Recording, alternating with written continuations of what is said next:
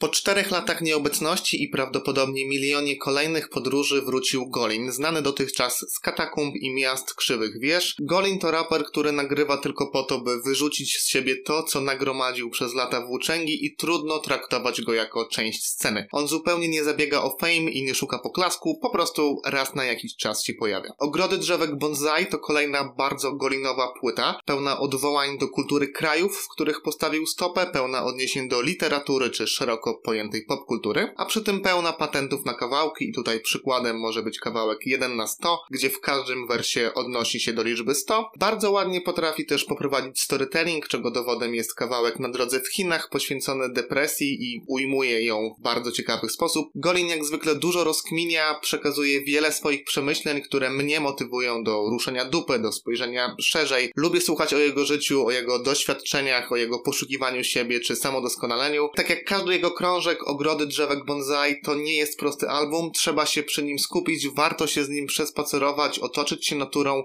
i wchłonąć go właśnie w taki sposób. Jako taki raper z doskoku Golin nie jest mistrzem Majka. On dobrze pisze technicznie, bawi się słowami, ale ma dość zardzewiały flow. Przyznam, że nawet dla mnie, dla osoby, która lubi jego muzykę, pierwszy odsłuch był niełatwy, ale z czasem, z kolejnymi odsłuchami strawiłem to i zacząłem skupiać się na tym, co, a nie jak rapuje. Ale pod tym względem niektórzy mogą nie przeskoczyć tego albumu. Słówko też o produkcji, bo sporo w niej orientalnych odwołań, całość jest bardzo spójna pod tym względem. Słychać Chiny, Japonię, Indie też trochę. Ciekawe są te bity Szpalowskiego, który niemal w całości bez jednego tylko kawałka wyprodukowanego przez Bryndala stworzył ten album.